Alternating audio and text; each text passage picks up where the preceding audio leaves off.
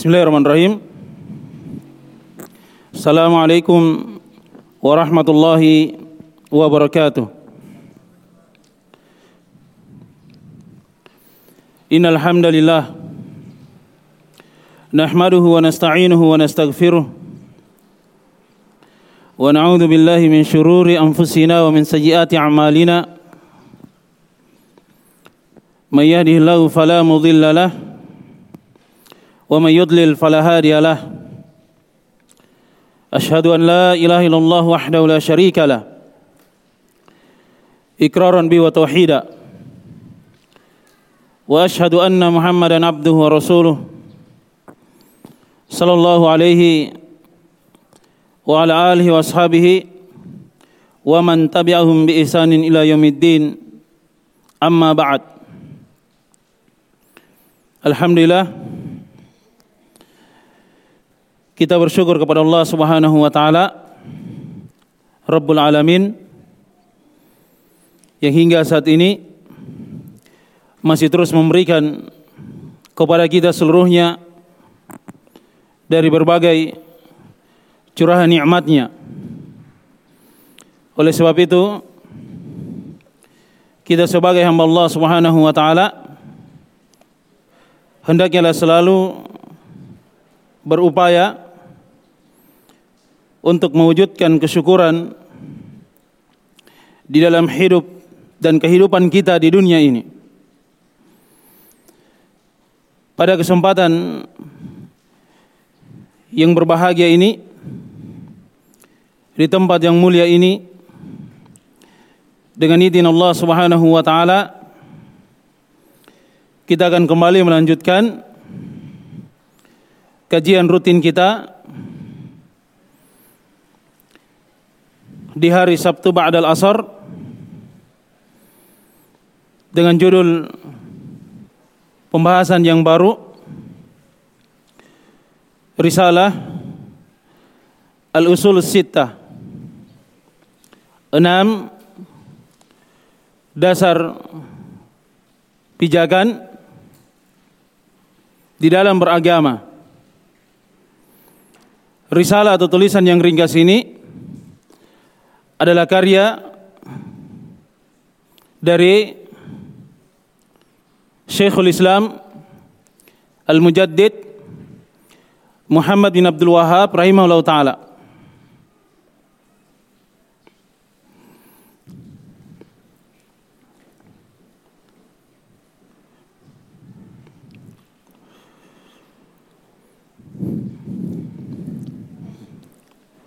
Beliau rahimahullah taala di dalam risalah ini menyebutkan enam prinsip pijakan pokok di dalam beragama.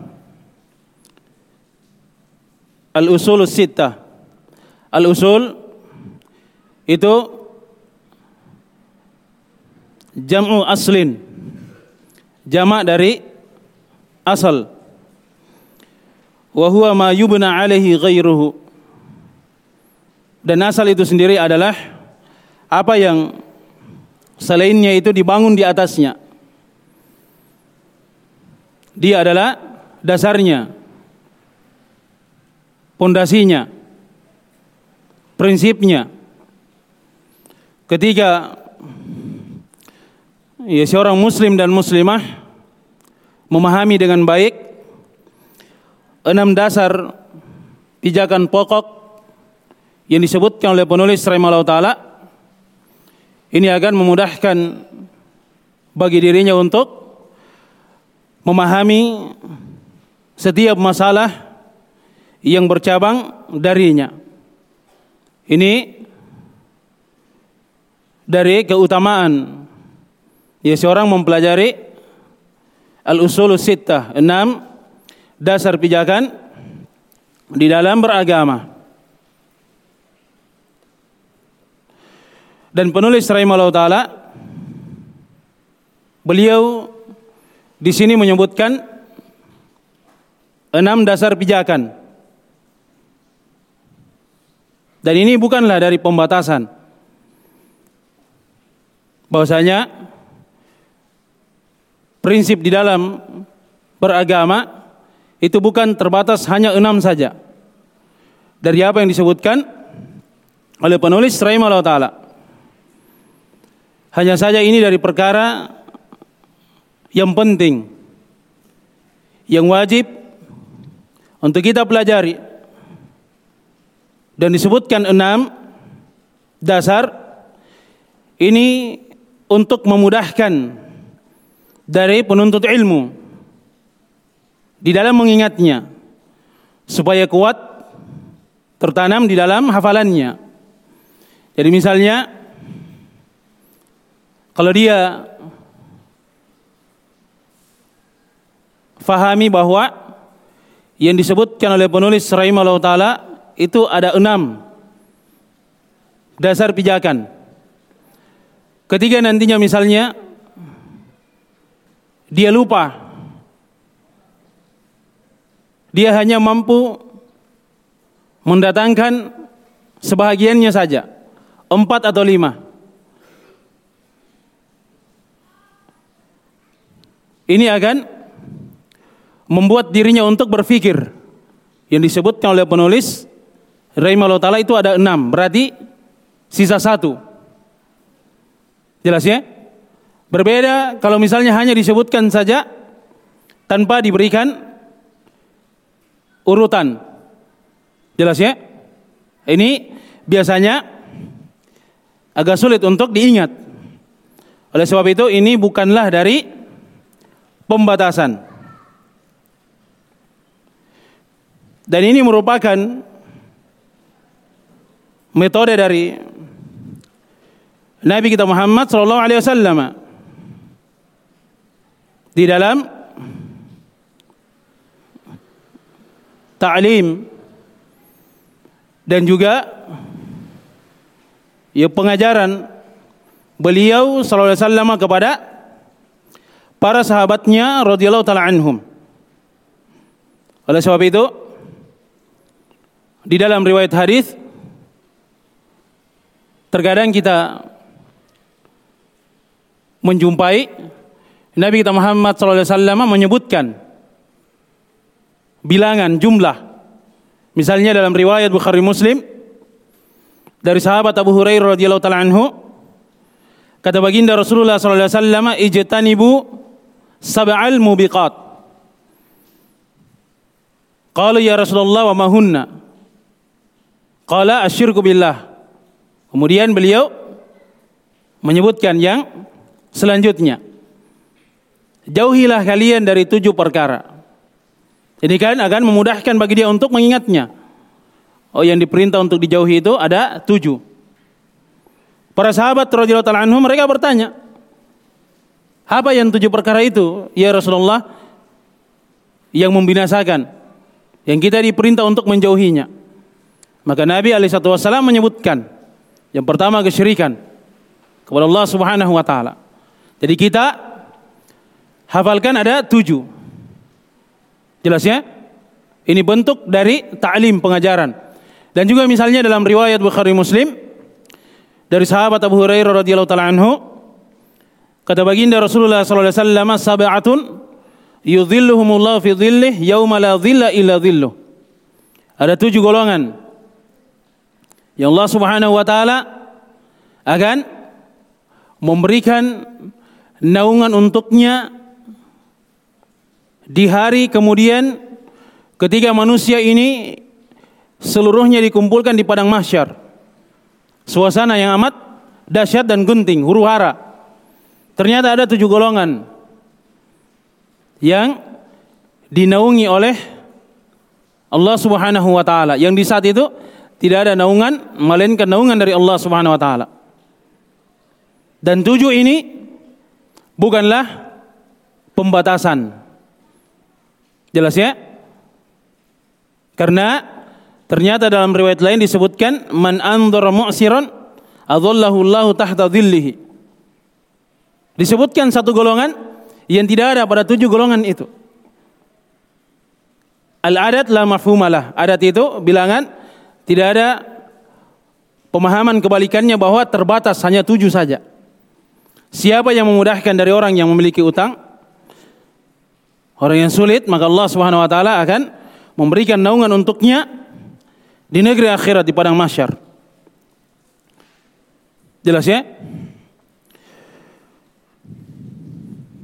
Jadi ini hanya untuk memudahkan saja supaya diingat dan bukan pembatasan bahwa prinsip dalam beragama itu hanya enam saja.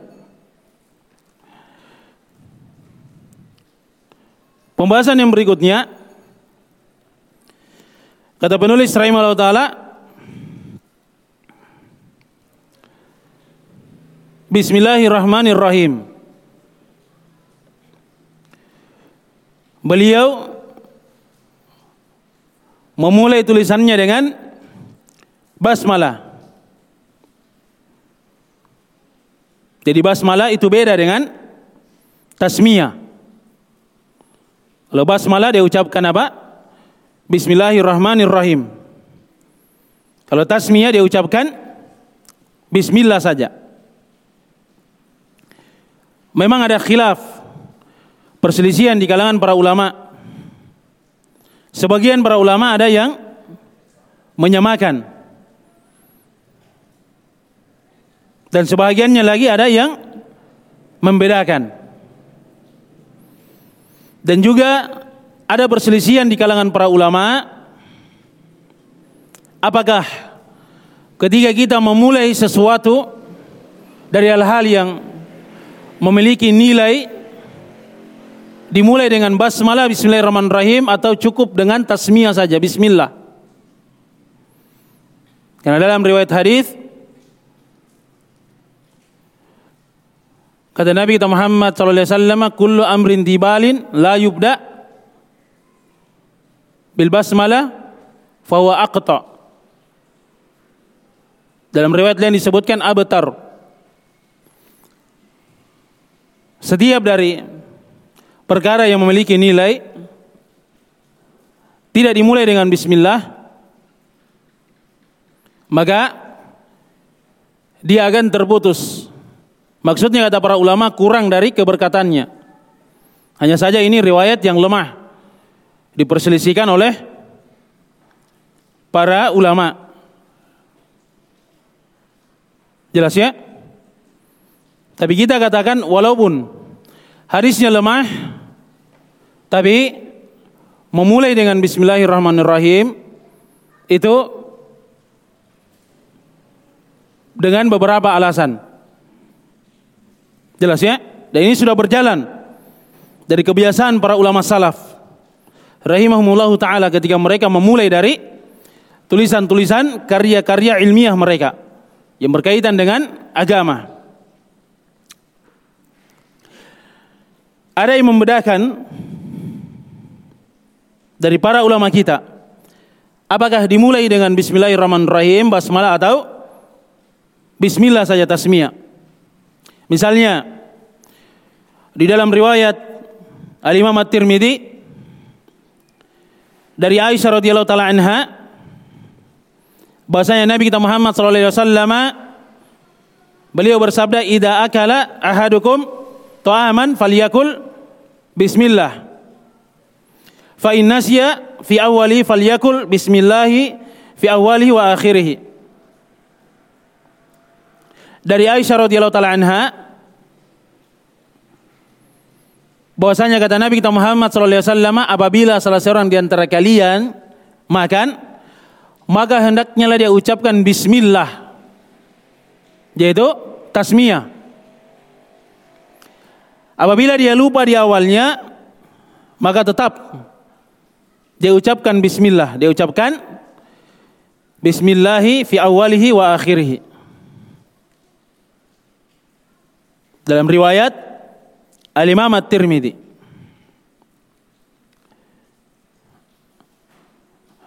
Namun pada sebahagian dari pendapat para ulama di antaranya ya Syekhul Islam Taimiyah rahimahullah taala beliau mengatakan dalam Al-Fatawa Al-Kubra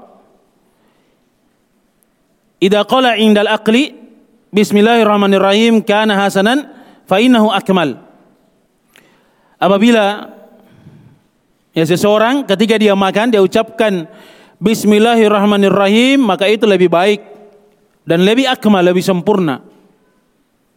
Ketika dia ingin minum dia ucapkan Bismillahirrahmanirrahim. Dan ini juga dari apa yang disebutkan oleh An-Nawawi rahimahullah taala.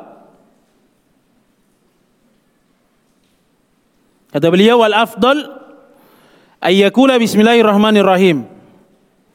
Fa in qala bismillah kafahu wa hasalatis sunnatu. Ini beliau sebutkan dalam Al-Adkar dari kitab beliau rahimahullah taala. Dan yang lebih utama apabila dia sempurnakan dia ucapkan bismillahirrahmanirrahim. Kalau misalnya dia ucapkan bismillah saja itu sudah mencukupi. Dan ini sudah sesuai dengan sunnah dari Nabi kita Muhammad sallallahu alaihi wasallam. Jelas ya? Hanya saja Al-Hafidz Ibnu Hajar rahimahullah taala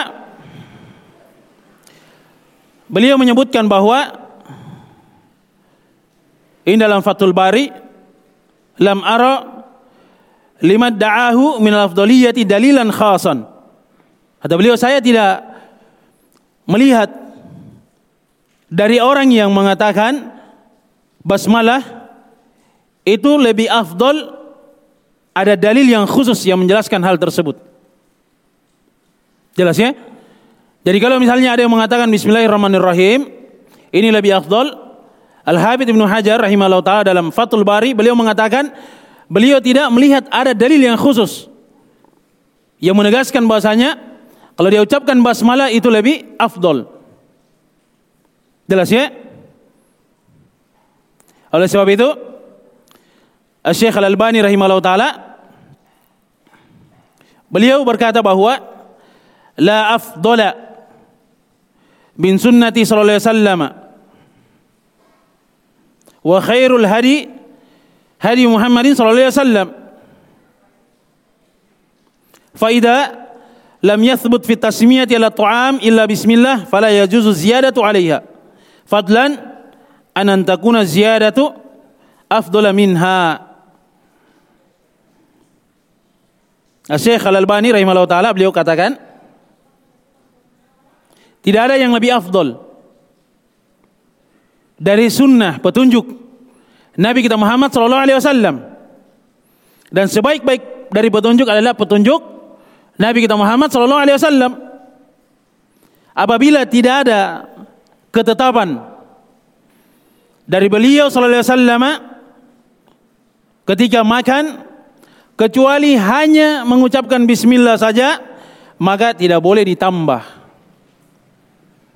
Terlebih lagi kalau dia katakan menambah itu lebih afdol.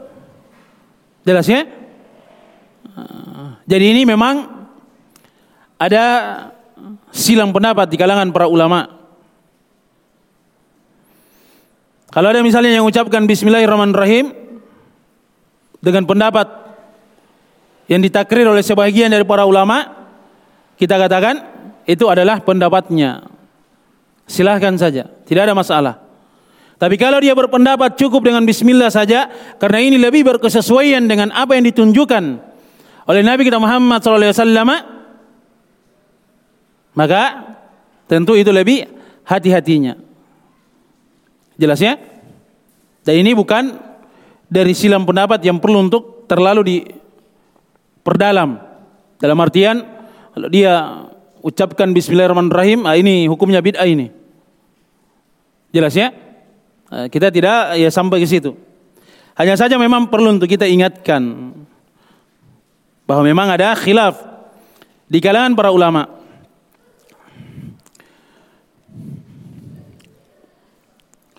Penulis rahimahullah taala memulai dengan bismillahirrahmanirrahim. Yang pertama karena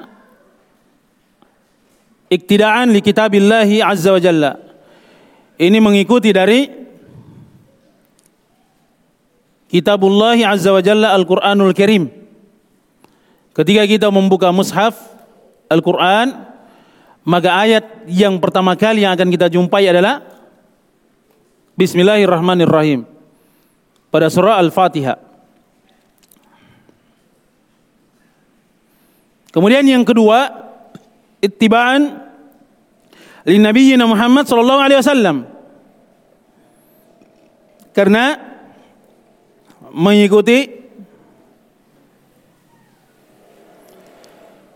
Nabi kita Muhammad sallallahu alaihi wasallam. Yang beliau di dalam surat menyurat beliau alaihi satu wassalam itu dimulai dengan Bismillahirrahmanirrahim.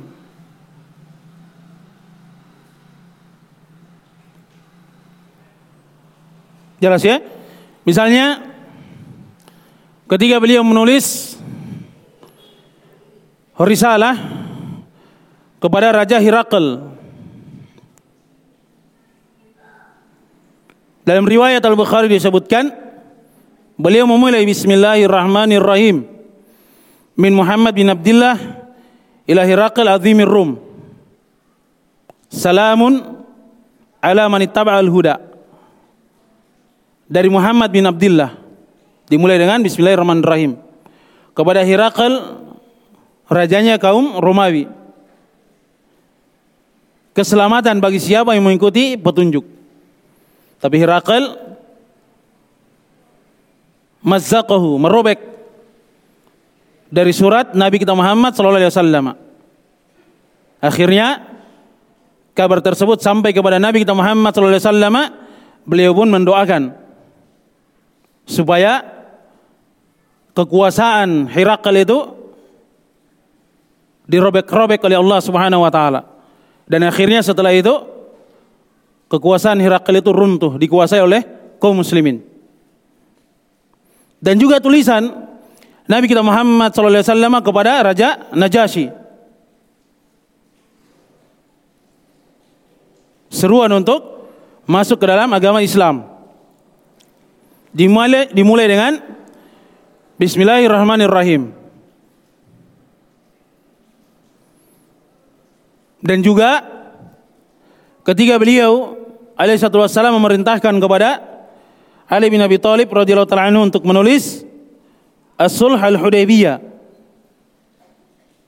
Perjanjian Al-Hudaybiyah supaya tidak saling menyerang selama 10 tahun.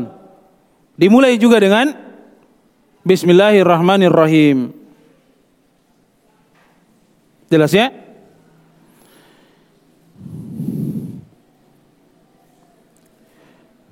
Dan beliau rahimahullah taala memulai tulisannya dengan bismillahirrahmanirrahim karena ini sudah menjadi kebiasaan amalan dari para ulama salaf rahimahumullah taala ketika mereka menulis dari karya-karya ilmiah. Jelas ya?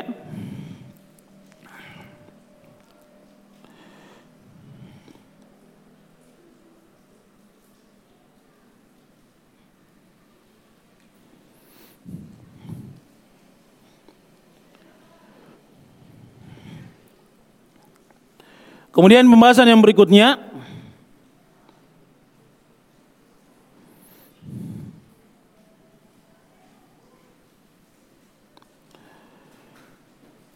kandungan makna dari basmalah bismillahirrahmanirrahim. Al-ba di situ bermakna al-isti'anah. Ya sebagian dari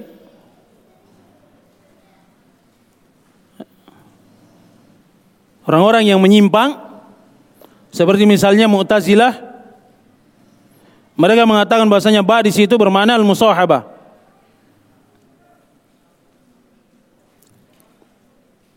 Az-Zamakhsyari beliau masukkan pemikirannya di dalam ilmu nahu di antaranya ini. Di antaranya juga ya beliau sebutkan lantaroni. Itu lan di situ bermakna penafian takbid selama-lamanya. Allah Subhanahu wa taala tidak bisa dilihat di dunia dan juga tidak bisa dilihat di negeri akhirat. Jadi hati-hati ya orang-orang yang sesat, menyimpang itu mereka juga memasukkan dari pemikirannya melalui ilmu nahu. Oleh sebab itu, ya penting bagi kita untuk belajar ilmu nahu supaya kita faham. Ya, kenapa mereka membangun dari makna ba pada bismillah dengan makna al-musahaba karena akidah mereka itu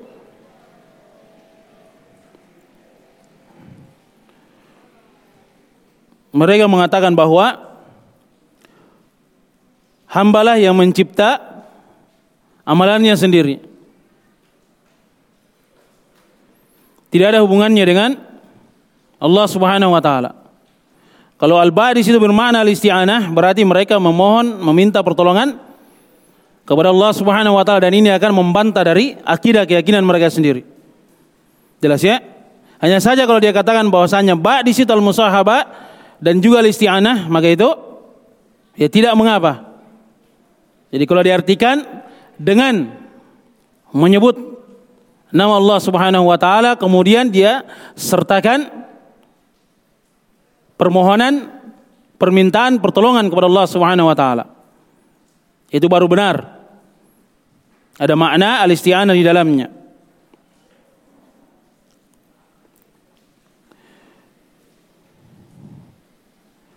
Kemudian isim di situ bismi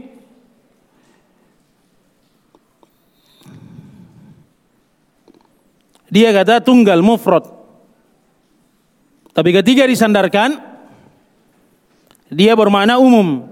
Kaidahnya al-mufradul mudhaf yufidul umum. Kata tunggal yang disandarkan itu bermakna umum. Jadi kalau dia sebutkan bismillah itu seakan-akan dia meminta pertolongan dengan seluruh nama-nama Allah Subhanahu wa taala.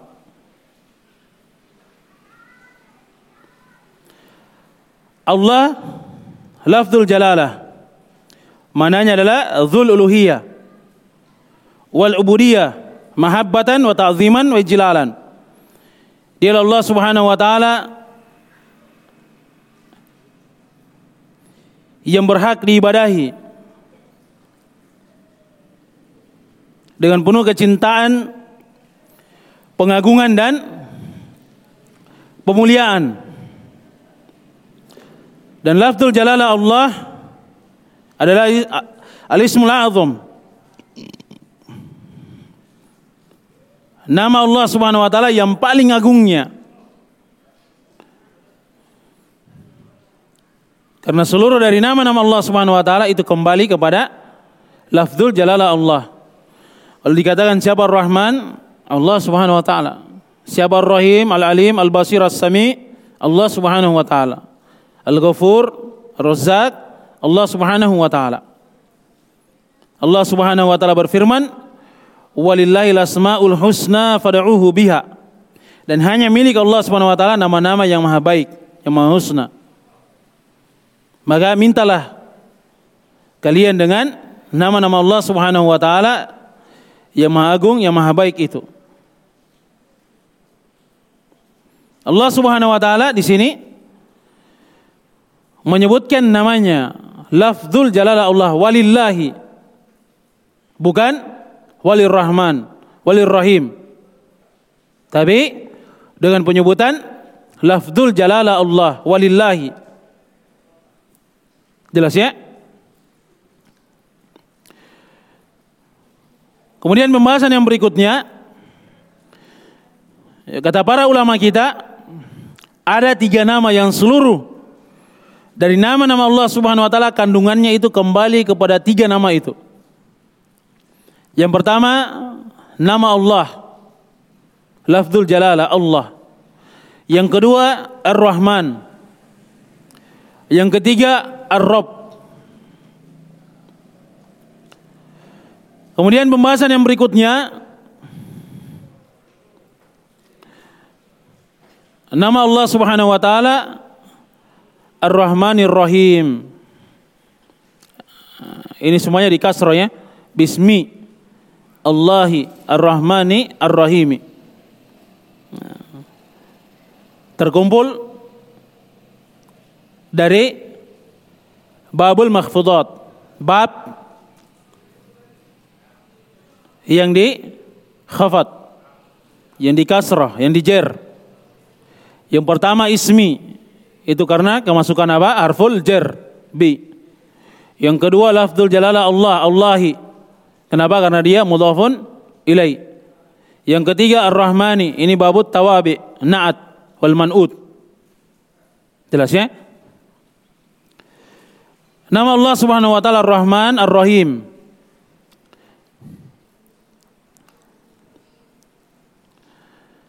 Ar-Rahman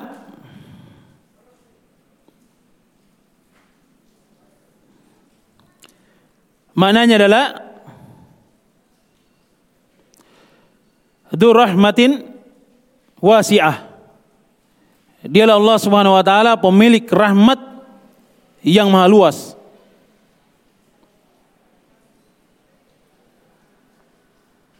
Kalau Rahim Durrahmatin wasilah.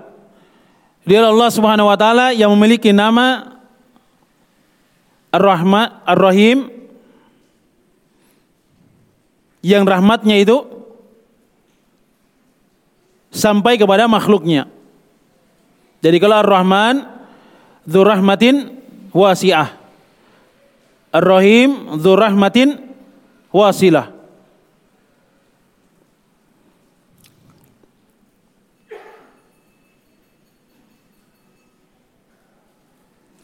Sebagian dari para ulama ada yang mengatakan bahwasanya dari nama Allah Subhanahu wa taala Ar-Rahman kandungan rahmat di situ amatun bermakna umum.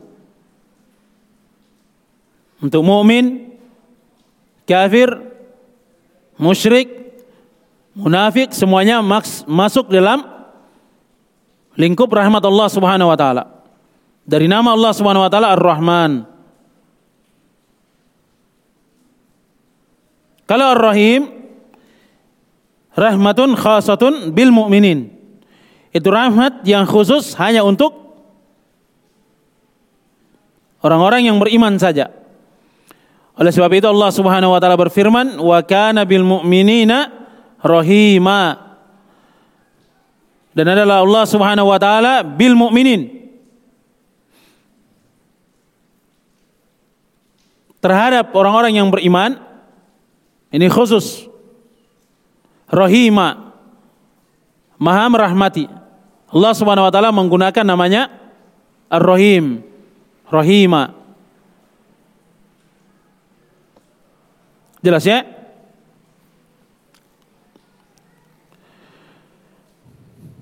Kemudian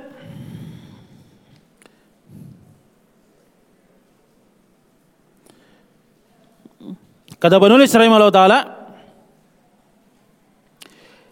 min ajabil ujab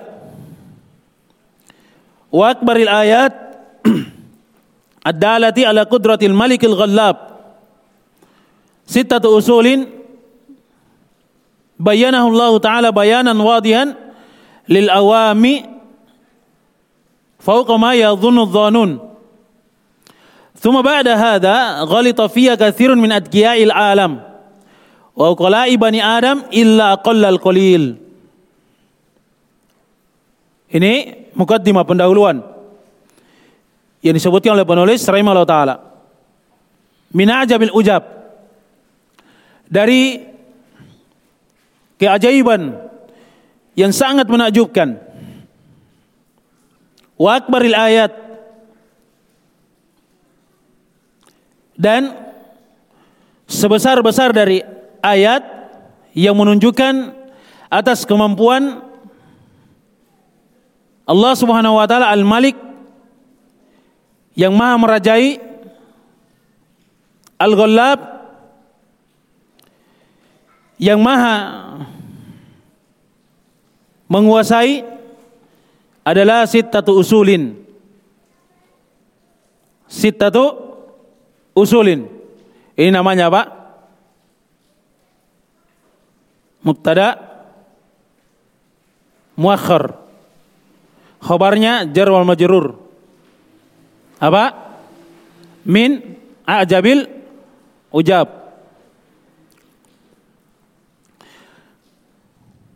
Adalah enam prinsip pokok dalam beragama. Bayanahu Allah Ta'ala. Ini fi'il, madhi. Apa irobnya? Naat. Karena setelahnya ada isim nakira. Kalau setelahnya atau sebelumnya isim ma'rifah, dia adalah hal. Yang Allah Subhanahu wa taala menjelaskannya dengan penjelasan yang amat jelas.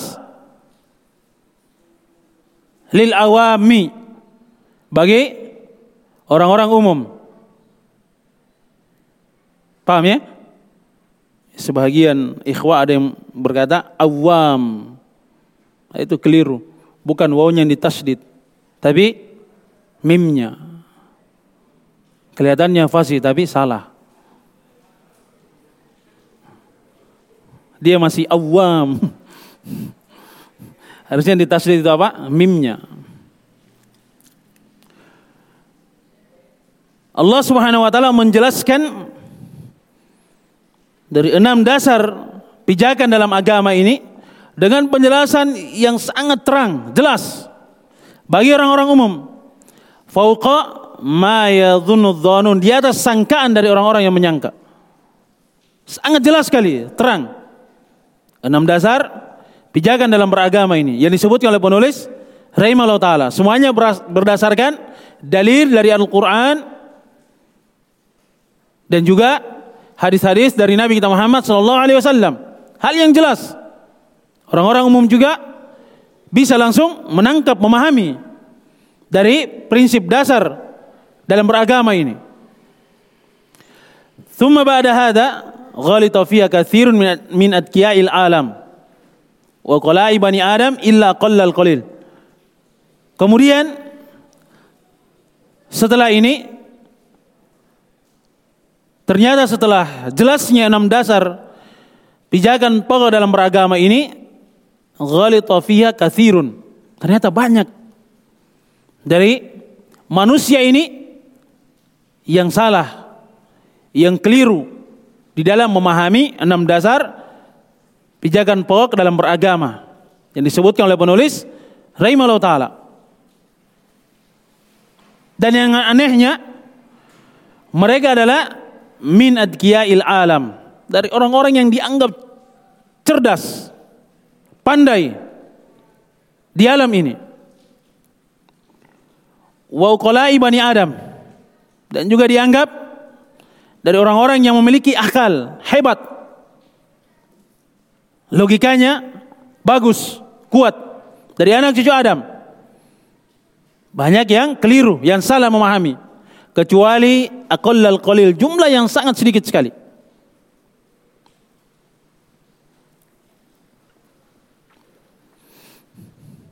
Jelas ya?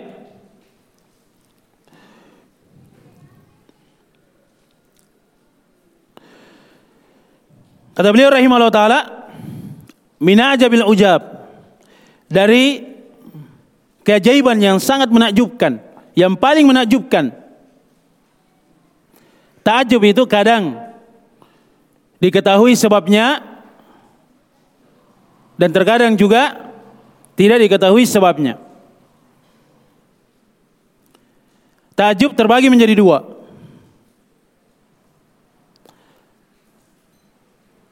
Yang pertama ada takjub li amrin mustangkar. Takjub karena adanya perkara yang diingkari.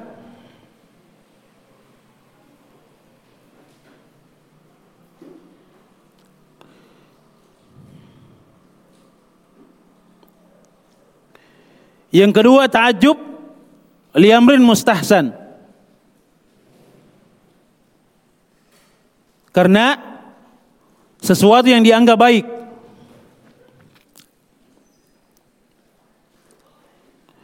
Yang pertama contohnya tajub karena li amrin mustankar karena adanya perkara yang diingkari adalah firman Allah Subhanahu wa taala dari ucapan orang-orang kafir mereka mengatakan aja'alal alihata ilahan wahida inna hada la syai'un ujab ketika Nabi kita Muhammad SAW menyerukan kepada orang-orang kafir Quraisy, "Qulu la ilaha illallah tuflihu." Kalian ucapkan la ilaha illallah, pasti kalian akan selamat. Orang-orang kafir Quraisy, orang-orang musyrikin itu langsung faham makna kalimat la ilaha illallah. Kalau mereka ucapkan pasti mereka akan meninggalkan segala sesembahan mereka. Kemudian yang mereka ibadahi hanya Allah Subhanahu wa taala semata. Oleh sebab itu kata mereka apa? Aja'alal alihata ilahan wahida? Apakah dia ini Muhammad akan menjadikan sembahan-sembahan kami yang banyak ini hanya satu saja? Inna hada la syai'un ujab. Ini adalah sesuatu yang sangat menakjubkan. Ucapan mereka, inna hadalah syai'un ujab ini mereka ingkari akan hal itu. Paham ya? Nah, mereka punya sembahan yang banyak. Mereka tidak mau ucapkan la ilaha illallah karena konsekuensinya mereka harus tinggalkan seluruh sembahan-sembahan mereka.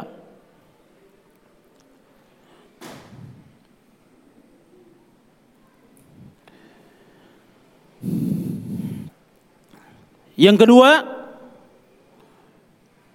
Takjub karena perkara yang dianggap baik. Ini misalnya dalam riwayat Imam Muslim dari sahabat Suhaib bin Sinan radhiyallahu anhu dari Nabi Muhammad sallallahu alaihi wasallam ajaban li amril mu'min. Betapa menakjubkannya dari perkara seorang mukmin. Hal yang baik. Inna amrahu kullahu lahu khairun. Sesungguhnya perkaranya seluruhnya adalah kebaikan. Walaisa dzalika li ahadin illa lil mu'min dan tidak ada yang menyandang sifat itu kecuali hanya mereka yang beriman saja. In asabatu sarra syakara fakana khairan lahu wa in asabatu darra sabara fakana khairan lahu. Kalau mereka diuji dengan kebahagiaan, maka mereka segera bersyukur. Kalau mereka diberikan ujian dengan sesuatu yang membahayakan untuk mereka, maka disikapi dengan kesabaran. Jelas ya? Kebanyakan manusia kalau diberikan nikmat apa? lupa untuk bersyukur. Bahkan dia bangga dengan nikmat itu. Dia menganggap orang lain rendah di bawahnya. Dia sombong dengan nikmat itu. Ketiga seorang mukmin dia bersyukur menakjubkan atau tidak? Sangat menakjubkan. Kebanyakan manusia kalau dia diperhadapkan dengan ujian dan cobaan, dia akan berkeluh kesah. Sebelum dapat musibah, dia katakan apa? Oh, saya kalau dapat musibah, saya akan bersabar. Ternyata ketika dia diperhadapkan dengan musibah, yang keluar dari lisannya apa? Keluh kesah, marah, cacian, tidak terima, berpersangka buruk kepada Allah Subhanahu wa taala. Ketika ada seorang mukmin dapat ujian dan musibah, ada keluarganya misalnya yang dia cintai, yang sangat dia cintai meninggal. Kedua orang tuanya atau salah satu dari keduanya, istrinya atau anaknya. Langsung dia bersabar. Menajubkan atau tidak? Sangat menajubkan. Ajaban li amril mu'min. Betapa menakjubkannya dari perihal keadaan Ya seorang mukmin. Seluruh perkaranya itu semuanya bernilai kebaikan pahala di sisi Allah Subhanahu wa taala. Jelas ya? Dapat ujian berupa nikmat, bersyukur, kebaikan, pahala. Dapat ujian berupa sesuatu yang membahayakan dirinya hal yang sulit, berat, susah, bersabar, juga dapat pahala.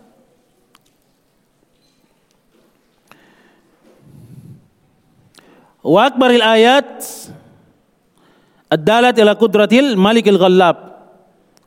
Dan sebesar-besar dari al-ayat Al-ayat itu jama dari ayah. Secara bahasa dia bermakna alamatun, burhan dan juga dalil. Itu adalah ayat. Jadi dia adalah petunjuk keterangan hal yang amat jelas sekali. Itu namanya ayat. Jelas ya?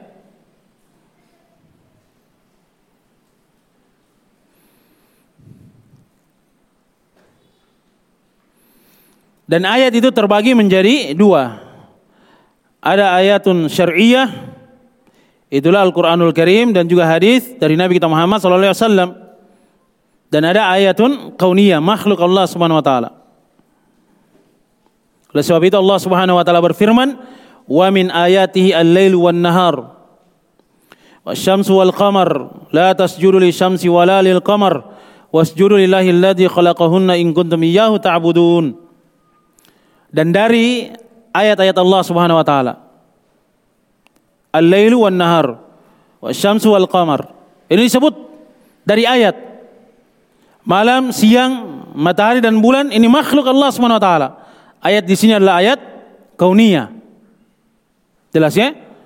Ayat itu adalah sesuatu yang jelas, burhan, petunjuk, alamat, terang benderang. Karena adanya malam dan siang, matahari dan bulan ini menunjukkan dari kekuasaan Allah Subhanahu wa taala. Maha agungnya Allah Subhanahu wa taala. Maha besarnya Allah Subhanahu wa taala. Hal yang amat jelas. Oleh sebab itu dia disebut dengan ayat.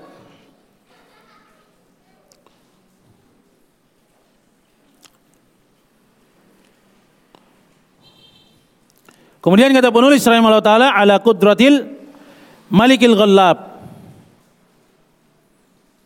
Allah Subhanahu wa taala al-malik yang maha merajai. Di dalam Al-Qur'anul Karim Allah Subhanahu wa taala menyebutkan tiga namanya.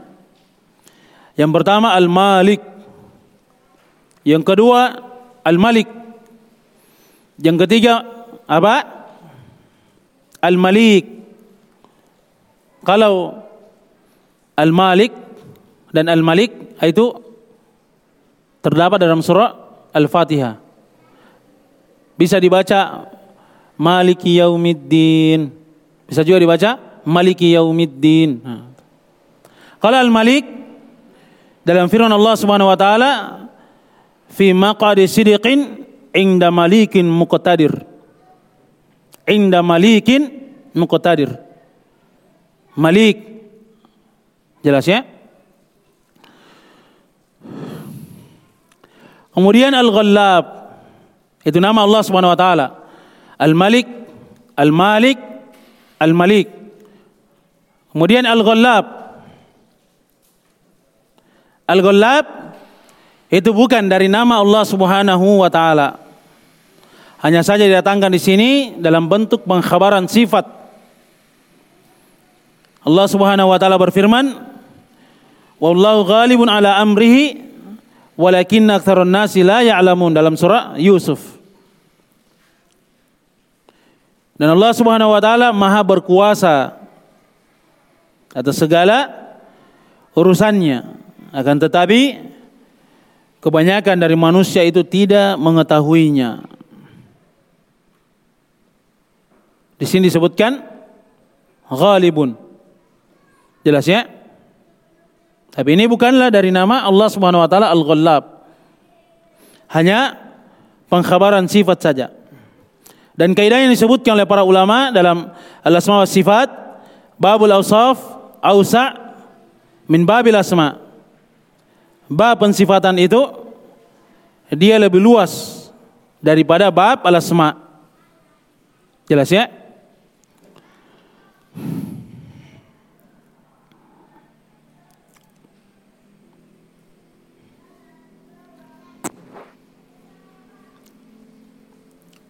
Dan ini pembahasannya dalam bab tentang al-asma wa sifat.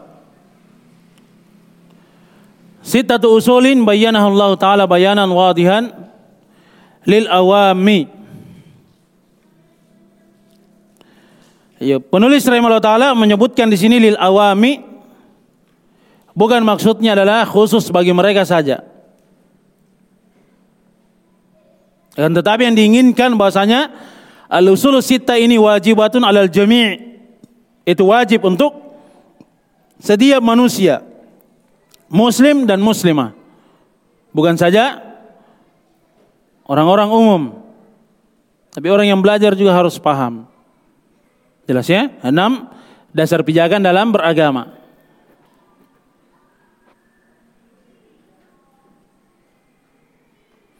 Hanya saja ini namanya tanbih minal adna ilal a'la peringatan dari yang di bawah untuk yang di atas juga. Jelas ya? Semuanya wajib mempelajari dari al-usul sittah, enam dasar pijakan dalam beragama. Fauqa ma yadhunnu dhanun, dia ada sangkaan dari orang-orang yang menyangka. Thumma ba'da hadha ghalita fiha katsirun min atqiyil alam. Okolai bani Adam illa qallal qalil. Kemudian ternyata banyak dari orang-orang yang dianggap cerdas dari alam ini dan memiliki akal yang sehat dalam tanda kutip dari anak cucu Adam itu yang keliru dan salah dalam hal ini. Kecuali jumlah yang sedikit sekali. Oleh sebab itu kata Syekhul Islam Ibnu Taimiyah rahimahullah taala utu zakat wa ma utu zakat mereka diberikan zakat kecerdasan kepandaian akan tetapi tidak diberikan zakat kesucian hati. Tidak mampu melihat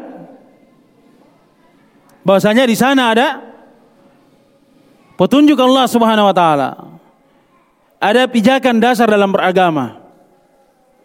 Mereka cerdas dalam ukuran orang-orang umum. Pandai, hebat.